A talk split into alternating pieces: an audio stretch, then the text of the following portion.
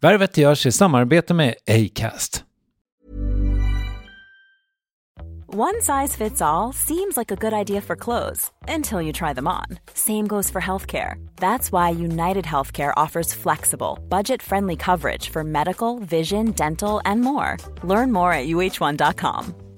Quality sleep is essential. That's why the Sleep Number Smart Bed is designed for your ever evolving sleep needs. Need a bed that's firmer or softer on either side? Helps you sleep at a comfortable temperature? Sleep Number Smart Beds let you individualize your comfort so you sleep better together. JD Power ranks Sleep Number number 1 in customer satisfaction with mattresses purchased in-store. And now, save 50% on the Sleep Number limited edition Smart Bed for a limited time. For JD Power 2023 award information, visit jdpower.com/awards. Only at a Sleep Number store or sleepnumber.com.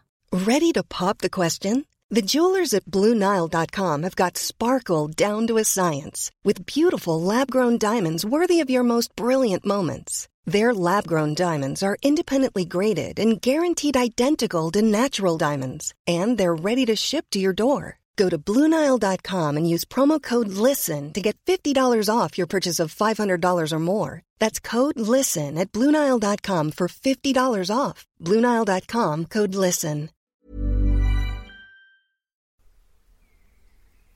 Värvet presenteras i samarbete med Nasonex, utomhusmöjliggöraren, som de inte kallar sig av någon märklig anledning. Men det är i alla fall Sveriges mest köpta antiinflammatoriska nässpray mot allergisk snuva. Och nu kommer ett litet test, så fram med papper och penna du som lyssnar, nu kör vi. Fråga 1. Vill du vara ute mer i naturen? Fråga 2. Sitter du framför en skärm lite för mycket? Fråga 3. Är du allergisk? Om du har svarat ja på någon av frågorna så tycker jag att du ska bege dig till beanoutsider.se. Jag vill för övrigt poängtera att Nasonex nässpray är ett receptfritt läkemedel från 18 år för behandling av symptom vid säsongsbunden och perenn allergisk snuva. Rådfråga läkare om du är eller tror dig vara gravid eller ammar eller om du planerar att skaffa barn, har en obehandlad infektion i näsan, nyligen har genomgått en näsoperation eller har en skada i näsan. Får ingen effekt inom 14 dagar eller om du redan använder läkemedel med kortison ska du kontakta läkare. Använd ej mer än tre månader utan läkarkontakt. Stort tack Nasonex och beanoutsider.se. Hej, det här är Kristoffer och du lyssnar på den korta versionen av intervjun. Trevlig lyssning! Det daltas och eh, omhändertas för mycket, tycker jag då. Så att jag tror att det är möjligheterna som skapar tjuven alltså. Och ni blir offer, för ni får vara offer. Mm.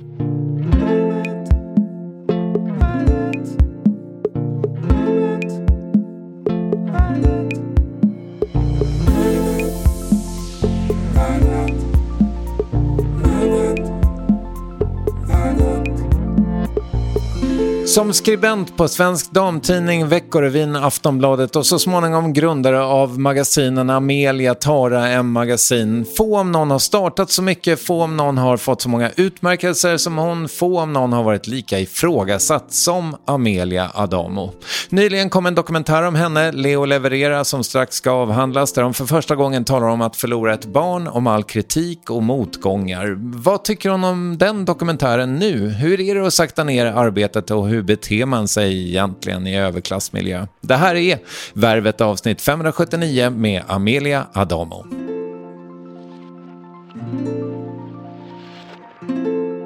Eh, Amelia, jag har ett problem som du kanske skulle kunna hjälpa mig med. För eh, jag har liksom aldrig varit rädd för döden.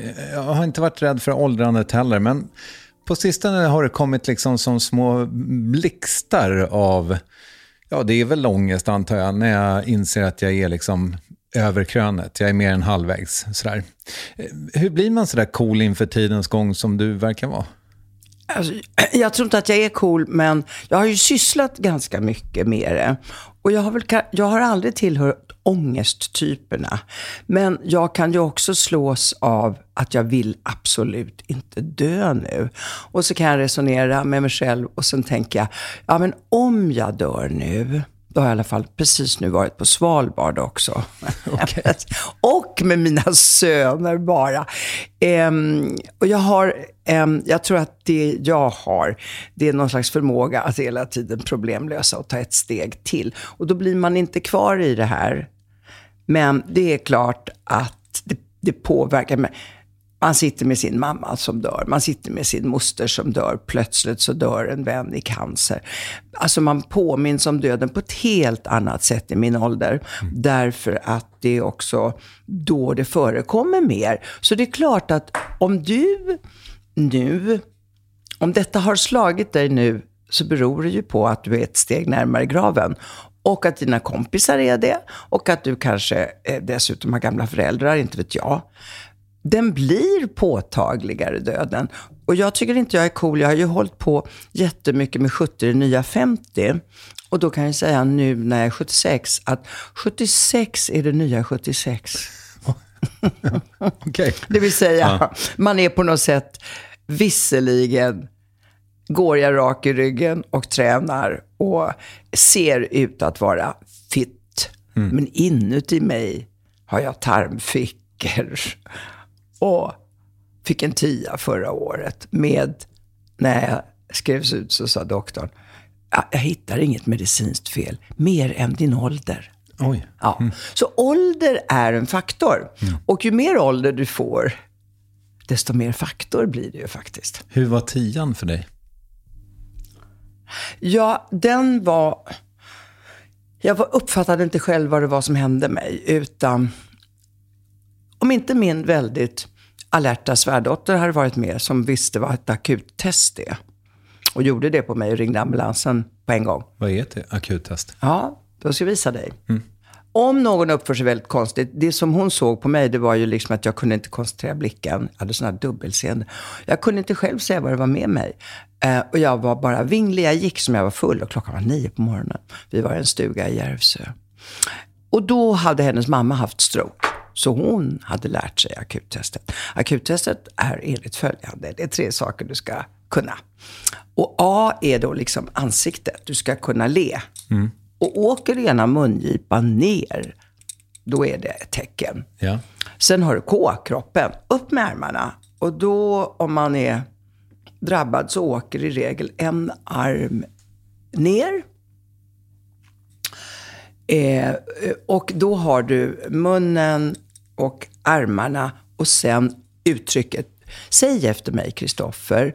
Idag är det en strålande sommardag. Idag är en strålande sommardag. Ja, då, då låter du bra. Men i regel sluddrar man och så kommer man inte ihåg sommardag. Och sen är det där lilla T, det står för tid. För det här är någonting som handlar om ibland minuter. Man kastar sig på telefonen 112. När ambulansen kommer så vet den att det är en strokepatient. Då är den redan förberedd. Jag körs in på Bollnäs lasarett, rakt in, de har dessutom strokenhet, och får då antiproppmedel, för det är en propp i hjärnan. Blodförtunnande. Mm. Ja, precis. Och sen händer inget mera.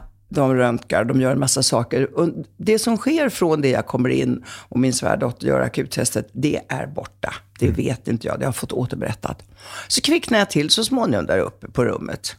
Och så åker jag hem två dagar senare. Inga men. Inga men, därför att det gick så fort. Hon gjorde alltså alla rätt. Gud vad skönt. Ja. Mm.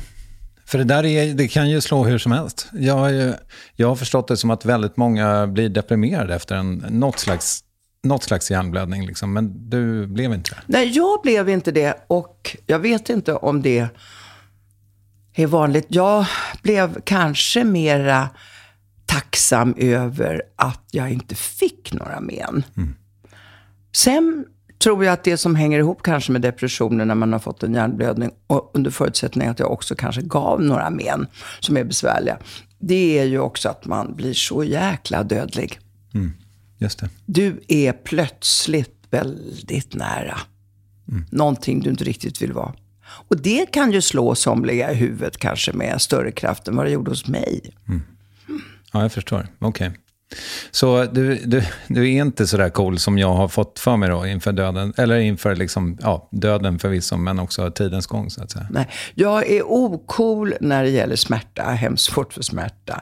Jag är väldigt ocool också när, om jag ser framför mig någon form av att min, mina sista år kanske blir som min mammas. Det vill jag inte. Mamma sa ju på slutet till mig, Amelia, döda mig. Ta kudden. eh, och det var faktiskt menat på riktigt. Mm. Och det att vara fast då i sin kropp, i det man befinner sig och inte kunna försvinna, gjorde då att jag tyckte att rätten till sin egen död var något jag ville stödja. Mm. Inte att barnen ska kväva sina föräldrar, men att det finns eh, stunder innan de dör som man skulle eventuellt kunna förändra eller korta av.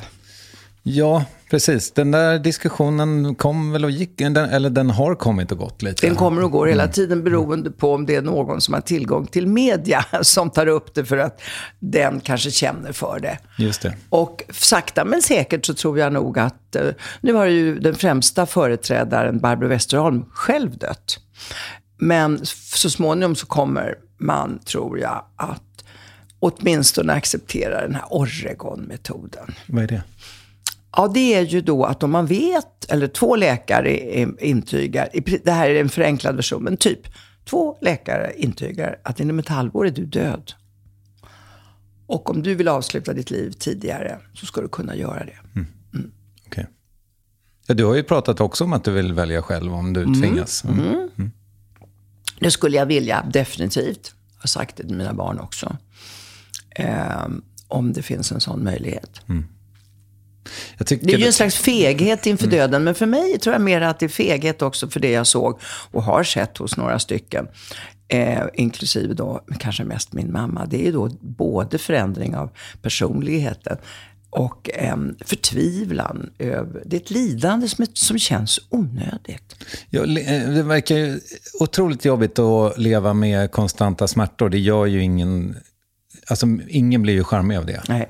Uh, och sen också tror jag att, uh, jag tror mig ha sett lite grann också i min närhet, en extrem aversion mot att bli en börda. Ja.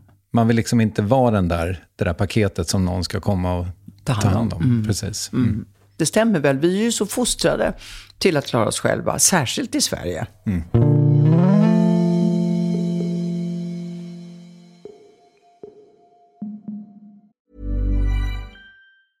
There's never been a faster or easier way to start your weight loss journey than with plush care. PlushCare accepts most insurance plans and gives you online access to board-certified physicians who can prescribe FDA-approved weight loss medications like Wigovi and Zepbound for those who qualify. Take charge of your health and speak with a board-certified physician about a weight loss plan that's right for you. Get started today at plushcare.com slash weight loss. That's plushcare.com slash weight loss. plushcare.com slash weight loss. Quality sleep is essential. That's why the Sleep Number smart bed is designed for your ever-evolving sleep needs. Need a bed that's firmer or softer on either side? Helps you sleep at a comfortable temperature? Sleep Number smart beds let you individualize your comfort so you sleep better together. JD Power ranks Sleep Number number 1 in customer satisfaction with mattresses purchased in-store. And now, save 50% on the Sleep Number limited edition Smart Bed for a limited time. For JD Power 2023 award information, visit jdpower.com/awards. Only at a Sleep Number store or sleepnumber.com. Everyone knows therapy is great for solving problems, but getting therapy has its own problems too, like finding the right therapist, fitting into their schedule, and of course, the cost. Well, BetterHelp can solve those problems. It's totally online and built around your schedule. It's surprisingly affordable too. Connect with a credentialed therapist by phone, video, or online chat, all from the comfort of your home. Visit betterhelp.com to learn more and save 10% on your first month. That's BetterHelp H E L P. Yes, ny sponsor. Värvet presenteras i samarbete med Svea Bank. Och jag menar inte att ta ner stämningen, men dessvärre är ju lågkonjunkturen här, vilket innebär att de flesta branscher har det tufft och också väldigt många privatpersoner. Jag vet själv vad det är att ha en trasslig privatekonomi. Det var struligt i många år för mig och låg ofta post i hallen med trista logotyper i ena hörnet och jag hade också i flera års tid ett helt gäng betalningsanmärkningar. Och tyvärr är det nog många som har det svårt att få ihop till räkningarna just nu, som har hamnat i ekonomiskt trubbel. Och det är här Svea Bank kan kliva in med något som kallas skuldfinansiering. Där löser de skulder hos inkasso och till Kronofogden och till och med om Kronofogden vill sälja ditt boende har Svea Bank möjlighet att hjälpa till. I den här tjänsten får du en personlig handläggare som gör en grundlig genomgång av din ekonomiska situation. De tar kontakt med dina kreditgivare och när ett lån beviljats löser de dina skulder åt dig och samla dem i ett enda lån med en avbetalningsplan som din ekonomi klarar av. För om du har hamnat i klister, du är inte ensam och kanske kan det här hjälpa dig. På svea.com skuldfinans kan du läsa mer. Tack Sveabank! En sak som slår mig när jag tittar på dokumentären om dig och kanske också när jag läser din bok eh, och det är det understundom låter som att det så mycket har varit du mot världen. Att du har det liksom... har det inte, utan det har... Nej? Ja och nej, men det är ju alltid så. Vi måste ju dramatisera.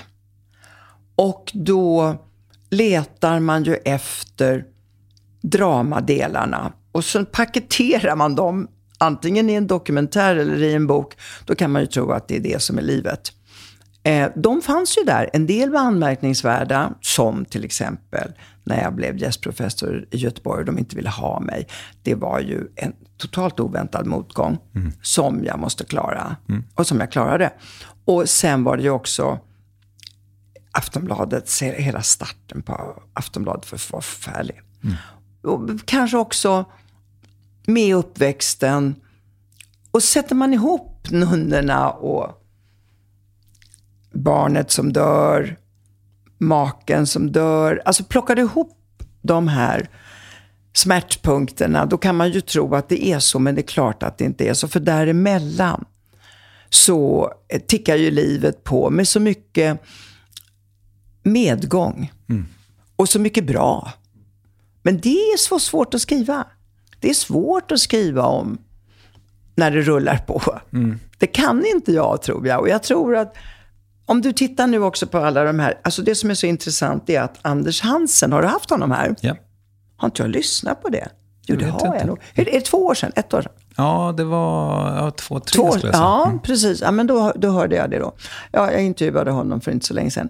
Och då visade det sig då att hans program, som inte höll någon egen traumatisk upplevelse, är det mest lyssnade av alla programmen. Mm. Sommarprogram. Fortfarande han ligger alltså på 2,8 miljoner lyssningar. Mm. Det, ja, det är verkligen mm. wow.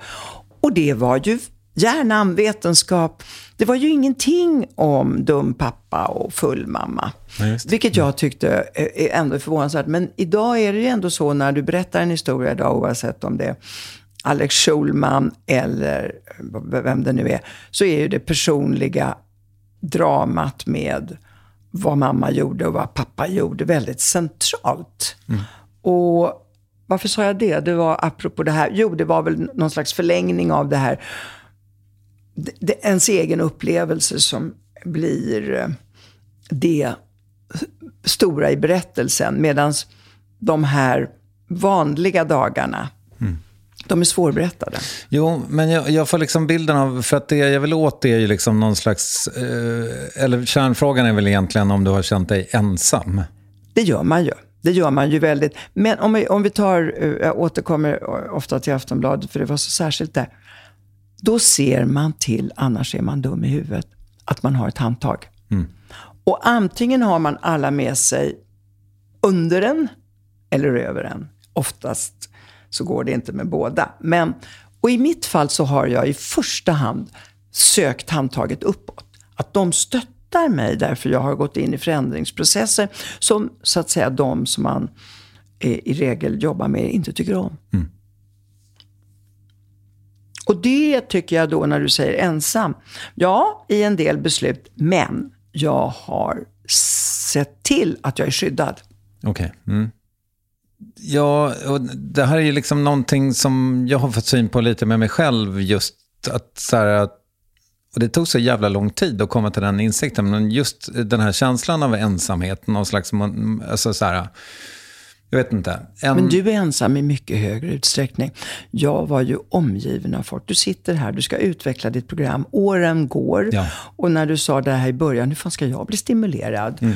Och d- den känslan förstår jag verkligen för dig. Mm. Att, eh, eh, att du kan tänka på då. Och där var ju inte riktigt jag för att jag hade så mycket omkring mig. Ja, du har alltid liksom haft den typen av eh, jobb där det har Alltid. funnits massa människor. Ja. Förutom möjligen då när du har suttit och skrivit en icke-självbiografi. Eller så. Ja, just. Eh, ja, det kan man säga. Jag, jag, eh, jag är dålig på ensamhet. Jag har aldrig sökt det och vet inte riktigt vad jag skulle göra om det blev så. Jag har, i, privat fråga, men jag vet att du inte brukar backa för det. Men för, liksom, har du ens haft någon längre så singelperiod? Nej, Du, nej. Jag, jag trodde jag skulle ha det då, efter skilsmässan från Torbjörn. Men den varade ju i tre månader. Och det tror jag ingår också i mitt väldigt rationella sätt att vara. Ja, men nu kom det någon förbi som verkar bra. Då kör vi på det. Då kör vi på det. Vad är det där då, tror du? Var, var, var, Jag tror att det är just rädslan för att vara ensam. Jag och tror det. Och varför är du rädd för det? Jag tror att jag, alltså, det som är kaffedrickandet, somligt är också rutin. Somligt är någonting som hjärnan har vant sig vid. Att det finns alltid någon i närheten. Bra eller dåligt, men det finns någon. Och från det jag var 17 år och flyttade hemifrån så har jag ju legat i någons famn. Och det har varit, det var någon singelperiod, men säg att den var en månad. Eh, och sen var det då tre månader. Och det, det bara blir inte så med mig. Nej, det är samma här. Ja. Kan det vara så också att eh, du eh, och jag, nu klumpar jag ihop oss, drivs av nyfikenhet? Ehm, vi vill liksom, vad är nästa grej då? Vad är det över kullen så att säga? Och då vill man ha någon i grottan och gå tillbaka till och berätta för vad det var på andra sidan kullen. I mitt fall så, så är det inte berättandet. Jag lever ju just nu med en person. Mm. som, eh, som har fått mig att inse att man måste inte dela prat. Mhm. Eh, vilket jag trodde det här, som alla säger, man ska ha det här ständiga samtalet på gång. Vi har inte det. Eh, och det har också gått bra. Det blir liksom på, på ett annat sätt. Däremot vill jag landa. När jag kommer hem nu från en resa med läsarna. Eller jag kommer hem för att jag har varit på Piratförlagets mingelstund. Eller någonting sånt. Då skyndar jag mig. Jag skyndar mig hem. Och jag tycker om, jag sitter där i den där tv-fåtöljen och glor på de här otäcka killarna i Exit med honom i den andra fåtöljen. Och så blir klockan halv elva och så reser vi oss upp och så går vi och lägger oss som ett gammalt par. Det längtar jag till. Jag längtar till den där odramatiska vanliga stunden. Troligen för att jag har allt andra också. Men jag behöver inte prata om det.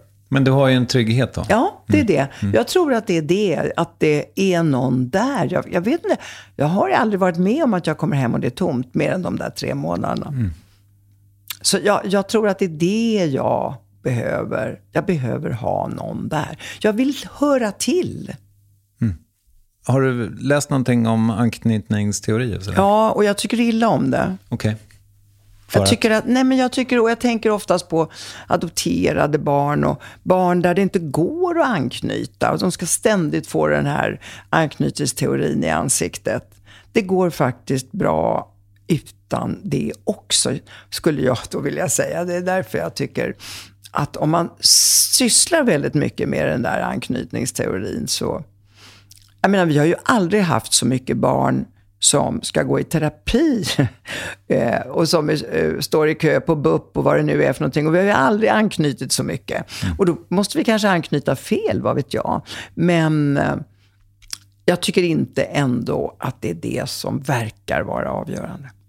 Men jag tänker mig ändå att om du söker tryggheten Mm. ehm, och har så gjort det hela ditt liv. Och så har man då vetskapen om att du liksom i sex års ålder blir ivägskickad på ett kloster i fyra år för att dina, din mamma bor för trångt och du får inte plats. Det är väl inte helt långsökt att tänka att det finns en korrelation Nej, ja. Mm. jag, jag har ju snarare tänkt bristen på pappa. Har- Alltså, barnens pappa var ju 17 år äldre än jag.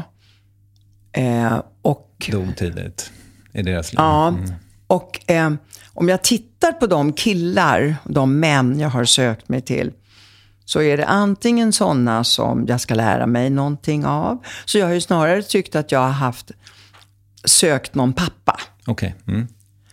Och, och kanske inte morsan. Hon har hela tiden funnits där. Även när jag skickades bort så kom, fick jag komma hem på lördag till söndag. Eh, men det fanns... Och, så det, jag tror att jag har varit så sugen på män. Det tror jag snarare bristen på män hemma. Eller brist... Han fanns ju där, Oscar Adamo. Men han var en gräslig man. Och han mådde inte bra och det hade inte jag vett att fatta. För jag var för liten för det. Och vi kom i krig i princip från början. Och sen när jag blev vuxen så kunde jag se att det var ju jag som var segraren. Ja, för han verkade ju inte ha fått ut det av livet som han hade tänkt sig. Absolut inte. Han var en olycklig invandrare som, som var kvar i Italien mentalt och som inte kunde tillgodogöra sig Sverige. Och jag tänker ju på det nu när vi hör alla de här som säger att ja, men de måste bli svenskar och så och så. Han blev inte det, han var tvärtom. Mamma däremot, hon blev inte alls svensk, hon var italienska. Men hon tyckte om Sverige, hon tyckte Sverige hade räddat henne. Hon var tacksam, hon älskade Socialdemokraterna. Eh, och hon var ju städerska på fabrik. Och sa ju till mig flera gånger, jag skulle aldrig kunna haft det så här bra i Italien. Vad skulle jag ha varit i Italien? Ensamstående med dig. Det hade gått åt helvete. Utomäktenskapligt Ja, dessutom. precis. Och, och mamma kom ju från de lägre klasserna. Hon var ju ganska fräck i munnen. Hon sa, jag var en hora. De sa, jag var en hora. Ehm, för att hon hade fött barn utom äktenskapet. Och Sverige gav henne chansen. Oscar Adamo, han kunde inte se det. Ut- Han var kommunist. Fast han inte var det. Han var ju egentligen, och han var en rasist, ja, tycker jag. Tyckte illa om alla som kom söder om Rom överhuvudtaget, alltså hela vägen ner. Han hade förskräckliga värderingar och eh, traumatiserad av kriget. Misslyckad, gjorde ingenting åt det, utan gick djupare in i sina piller. Fick eh, utskrivet dämpande, dämpande, dämpande och till slut var han ju nästan som en zombie. Men han var ju inte din pappa, det måste Nej. jag ha vetat. Liksom. Ja, Eller? och det var hemskt skönt. Det var faktiskt skönt. Han gav mig ett bra namn. Han adopterade ju mig så småningom. Och för mamma ville det. Och någon gång när jag var 15 så kunde jag ta då namnet Adam. Och jag hette ju Motchinan och eh, det var inte riktigt lika kul. Ehm, så det var väl, det kan man säga, jag fick av honom. Som var något bra. Och sen var det ju så att mamma och han var ju gifta i över 50 år, kanske mer. Och de var bara... Och jag försökte ju flera gånger säga till henne att jag kan hjälpa dig. Jag har råd att köpa en lägenhet till dig. Du behöver inte leva så här med honom. Men det var en sån här, typ dödsdansen. Okej. Mm. De kunde inte låta bli att skrika åt varandra. Och hon var lika delaktig som han. Och det var det enda de kunde på något Ja, sätt. Mm. precis.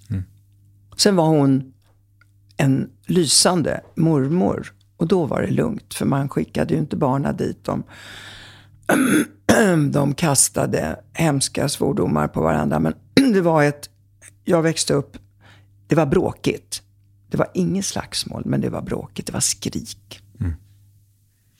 Men, och liksom, alltså nu är ju det, jag har redan sagt ordet trauma så här, men, men om, om vi pratar om din liksom barndom ändå. Jag, jag, jag tänker mig ju att just det här, hela den här klostergrejen borde ha varit det. Men, Men vet du vad jag tror? Jag tror att min generation är mycket mer accepterande. Dels håller vi inte på och rotar i varför gjorde mamma så här? Varför, varför, varför? Medan jag tycker att din generation är kvar Mm. i att det var barndomen som skapade den här personligheten och jag måste syssla med det och varför och så. Och de främsta, tycker jag, eller den, en av de främsta, det är väl Alex Schulman. Som eh, har skapat sig också en, så säga, en karriär kring det här. Men det har jag tänkt på, att den här generationen, de som är 40, den generationen, de är så besatta av barndomen. En del, inte alla. Medelklassen skulle jag säga och uppåt. Jag tror att mm, arbetarklassen, om den nu finns, men de som inte har tillräckligt mycket pengar i alla fall och utbildning. De är nog mycket mer, okej, ja ja, nu, Mm.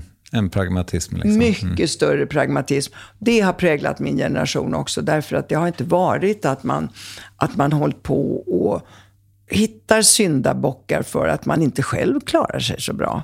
Därför livet har ju det här lidandet också. Det ingår i att leva. Och det där, eh, nu är du ju på någonting, för att du eh, i dokumentären också tror jag att vi pratar om det här, eller du pratar om att vara, eh, se sig själv som ett offer. Och att ge fan i det på något sätt. Och det, det Jag tror gör inte det, det är det jag menar. Ja. Ja. exakt. Och det är nog lite av en sjuka som min generation då kanske har. Att Ja, man det så här- tycker jag. Och det, och det är för att ni tillåts. Jag är ju eh, väldigt mycket eh, i den här teorin av möjligheter. Ni tillåts att göra det. Ni, det daltas och eh, omhändertas för mycket, tycker jag då.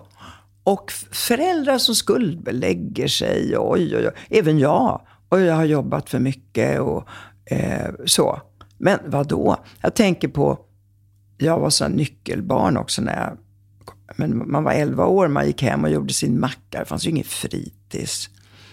Och läste sin läxa. Och så kom morsan klockan fem eller halv sex. Något sånt där. Det bara var så. Och ehm, stimulanserna var ju, fanns ju nästan inte. Så att jag tror att det är möjligheterna som skapar tjuven alltså. Och ni blir offer, för ni får vara offer. Så det är ju, jag menar om jag säger så här, men sluta vara offer. Det är lätt för mig att säga. Men vi har väl kanske också haft det lite för bra. Ja. Men det säger jag ju, det daltas ju med. Ja. Och, det, och, det, och jag kan tänka det också, för jag vet att mina barn sa ju till mig någon gång, "Ja, men håll inte på att jämföra dig med eh, hur du hade det. Vi är ju för fan födda i en räkmacka. Och det ställer andra villkor. Vi bor runt omkring andra räkmackor. Ja. I-landsproblem är också problem, så att Ja. säga. Mm. Ja. Jag vet inte. Vad tror du om de här som växer upp nu då? Edvin Törnblom-generationen, så att säga. Ja, de måste ju vara extra duktiga för snart vet jag inte hur man ska göra. För att dels är ju det här Jonas Gardell-nischen, den är ju överfull av utagerande personligheter. Nu såg jag den här, man tittar ju med sina barnbarn och, och även Lucio som är som ett barnbarn ibland på Masked Singers och vilka det är. Och så är det en person, Klara Hammarström, vem är det? Aldrig hört talas om. Och han som vann Let's Dance. Och, så. och då är de, för en mindre generation, rätt jättekända. Så det verkar ju finnas nischer i princip för alla. Men det som kan oroa mig, det är egotrippandet. Därför att vi hade i alla fall någonting som var lite enklare. Vi uppfostrade med, med en kollektiv känsla. Vi var ett kollektiv. Och eh, för att inte bara dra fram det där gamla dag, ropen ska alla dagis åt alla. Men vi samlades ju kring eh, frågor. Generationen Greta Thunberg samlades ju klimatfrågorna två år. Sen dog det.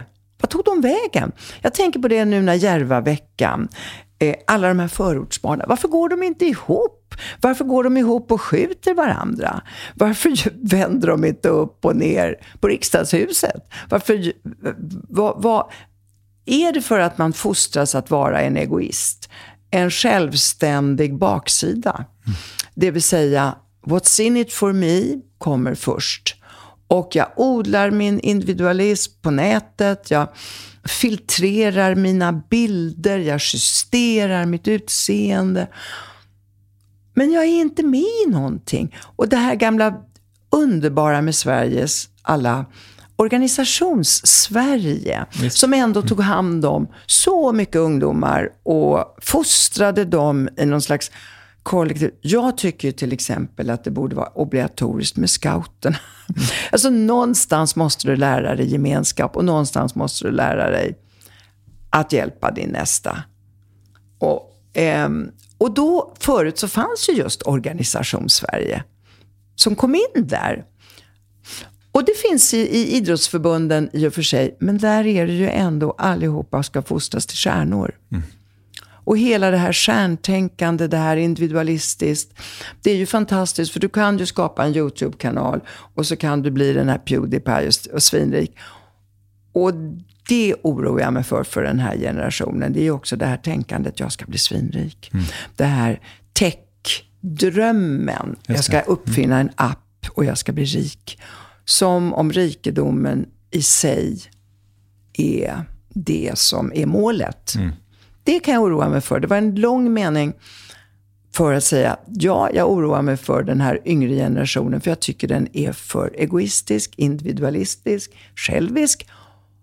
Och då odlar man ju också alla sina jävla ångestar och allt man har och hur mår jag egentligen? För mycket. Mm. Nu är det väl lite mossigt kanske att prata om pandemin, men jag tyckte att det blev ganska tydligt också hur individualistiska vi är under den. Och sen kan man väl också se nu kommer jag inte på några jättebra exempel, men vi, är ju, vi måste ju vara sämst i Europa på att typ demonstrera, strejka. Den här vilda strejken som var bland eh, pendeltågsförarna, mm. det var, det, när hörde man om en sån sist? Alltså, Nej. Men det är ju också, man är ovan vid att gå ihop och man håller inte riktigt ut. Och det är väl också tidens tand det här med att det går så fort. Allting går så fort. Två dagar, bort, nästa. Två dagar, bort, nästa. Och för att kunna åstadkomma något djupare så får du hålla i. Och det tycker inte jag vi verkar duktiga på. Vi är värdelösa på gemenskap i, i, generellt, skulle ja. jag säga. Mm. Dum fråga, kanske. Men jag tänkte så här när jag såg dokumentären, eh, när du pratar om liksom hur otroligt mycket stress du har utsatt din kropp för. Ehm, du har liksom blivit mobbad på arbetsplatser. Du har blivit svårt kritiserad och varit i blåsväder hundratals gånger. Då, den dumma frågan är ju då, var det värt det? Ja. Därför att när du är i stormens öga då har du ett mål och det är att komma ur den här jävla stormen. Mm. Och sen har jag varit dålig på konsekvensanalys genomgående, vilket har gjort att när jag sen kanske hamnar i någonting som skulle kunna bli en storm, kan inte riktigt föreställa mig det. Och backar inte. Mm. Vilket gör då att, att jag uppenbarligen fortsätter, innebär ju att någonstans så mår jag bra. Bekräftelsen att det går bra. Sen ska man ju också säga att det som har gjort att mitt eh, arbetsliv har varit så bra är ju att jag fått så mycket bekräftelse. Och inte bara pris, för det har jag ju också fått, utan faktiskt väldigt många kvinnors kärlek. Mm. Eh, det har ju varit jättekul. Och då glömmer man det där andra. Så jag kan ju säga att ehm, eh, det har verkligen varit värt det. Och jag skulle säkert ha gjort annat lite annorlunda idag. Men inte så mycket tror jag. Mm. Nej, för det var, det, det, anledningen till att jag tänkte att det kanske var en dum fråga är ju, vad hade alternativet varit då? Det är en dum fråga, för det vet man inte. Man vet ju faktiskt inte vad man vad man skulle göra. Jag tror att jag, min personlighet är att jag skulle nog utsätta mig för att få chansen till någonting annat. Mm. Det tror jag ändå är grunden. Jag skulle inte stanna på vilken post det än var. Mm. Jag tror att jag skulle gå vidare. Du, eh, stort tack för att du kom hit. Tack så hemskt mycket vad mycket mer vi kunde ha pratat om, Kristoffer. Komma tillbaka en annan gång, om fem, tio år. När var jag här förra gången? Tio år sedan. Ja, någonting sånt. Ja. Ja, du är så välkommen. Jag kanske, om jag lever, och om jag har något vettigt att säga. Ja, hej och tack.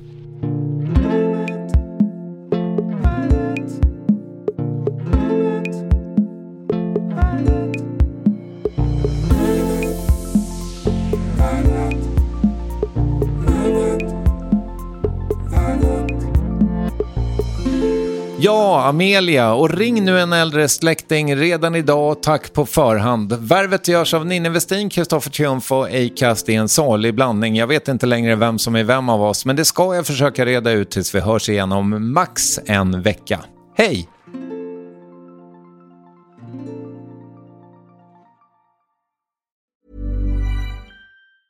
Even when we're on a budget, we still deserve nice things. Quince is a place to scoop up stunning high-end goods for 50 to 80% less than similar brands. They have buttery soft cashmere sweaters starting at $50, luxurious Italian leather bags, and so much more. Plus, Quince only works with factories that use safe, ethical, and responsible manufacturing. Get the high-end goods you'll love without the high price tag with Quince. Go to quince.com/style for free shipping and 365-day returns.